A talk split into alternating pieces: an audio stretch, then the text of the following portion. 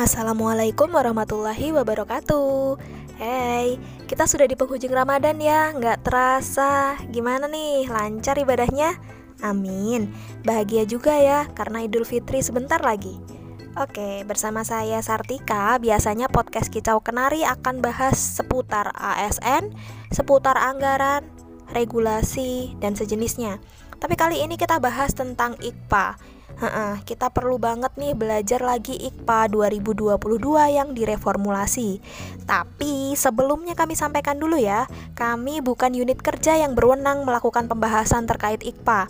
Tapi kami hanya ingin belajar bersama bersama teman-teman semua karena bagi kami makin sering diucap, makin sering didengar, maka akan semakin merasuk ke dalam jiwa. Itu. Namanya belajar bisa jadi salah, bisa jadi kurang tepat. Karenanya mohon dimaklumi aja ya jika ada yang kurang tepat dan tetap feel great kalau mendapatkan koreksi dari teman-teman. Nah, bagi teman-teman yang lain yang belum tahu apa itu IKPA, kita bahas sedikit ya. IKPA, indikator kinerja pelaksanaan anggaran yaitu indikator yang sekaligus menjadi tools yang ditetapkan oleh Kementerian Keuangan selaku bendahara umum negara untuk mengukur kualitas kinerja pelaksanaan anggaran belanja kementerian lembaga. Nah, IKPA ini biasanya digunakan sebagai alat monitoring dan evaluasi terhadap pelaksanaan anggaran yang disediakan oleh Ditjen Perbendaharaan yang terintegrasi pada Online Monitoring Span atau OMSPAN yang dijadikan ukuran dan mencerminkan kinerja satuan kerja atas tiga hal, yaitu kualitas perencanaan anggaran, kualitas pelaksanaan anggaran, dan kualitas hasil pelaksanaan anggaran. Nah, kenapa baru sekarang nih kita bahas tentang si IKPA ini? Karena ada perubahan formula IKPA di tahun ini dibandingkan dengan tahun sebelumnya. Nah, hitung-hitung kami belajar, maunya sekalian gitu loh ngajakin teman-teman mendengarkan via podcast. Siapa tahu informasinya bermanfaat.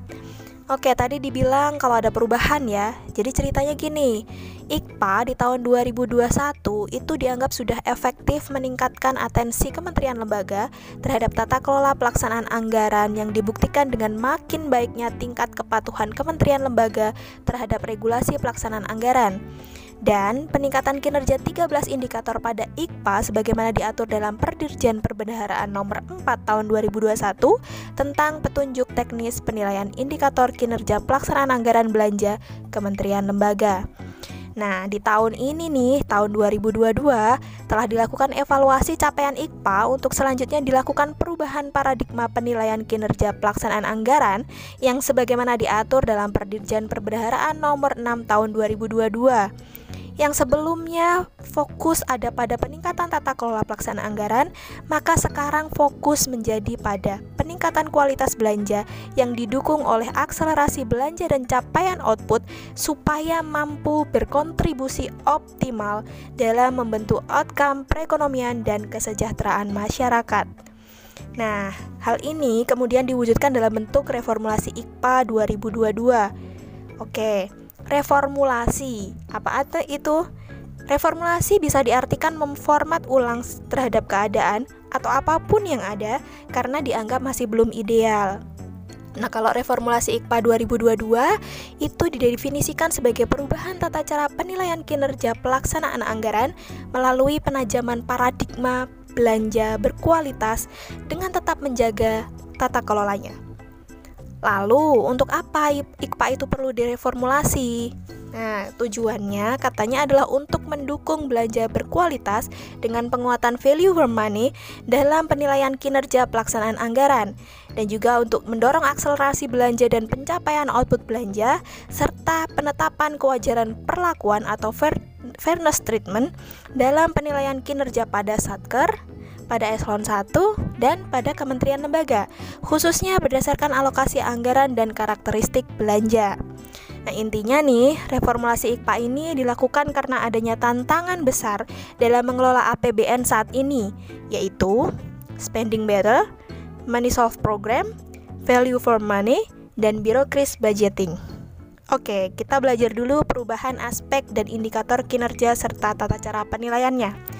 Pertama-tama kita coba bahas perubahan aspek dan indikator kinerjanya ya. Seperti yang kita tahu bahwa di tahun 2021 IKPA itu memiliki 13 indikator yang terfokus pada empat aspek.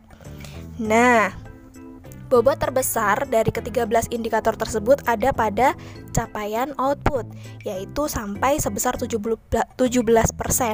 Nah, mengapa? Karena menurut Perdirjen nomor 4 tahun 2021, indikator kinerja capaian output ditujukan untuk meningkatkan kualitas data dan mendorong percepatan pencapaian output belanja pemerintah.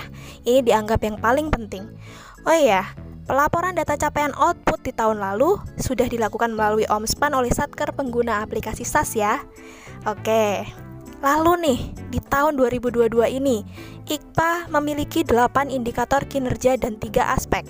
Tiga aspek tersebut seperti yang tadi sudah pernah kita eh, bahas ya, yang pertama adalah kualitas perencanaan anggaran dengan bobotnya 20%, kemudian kualitas pelaksanaan anggaran dengan bobotnya 55%, dan kualitas hasil pelaksanaan anggaran bobotnya 25%.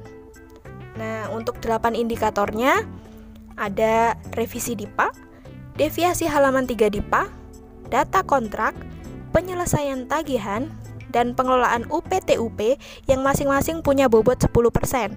Kemudian ada dispensasi SPM yang bobotnya 5%, kemudian ada penyerapan anggaran yang bobotnya 20% dan capaian output 25%.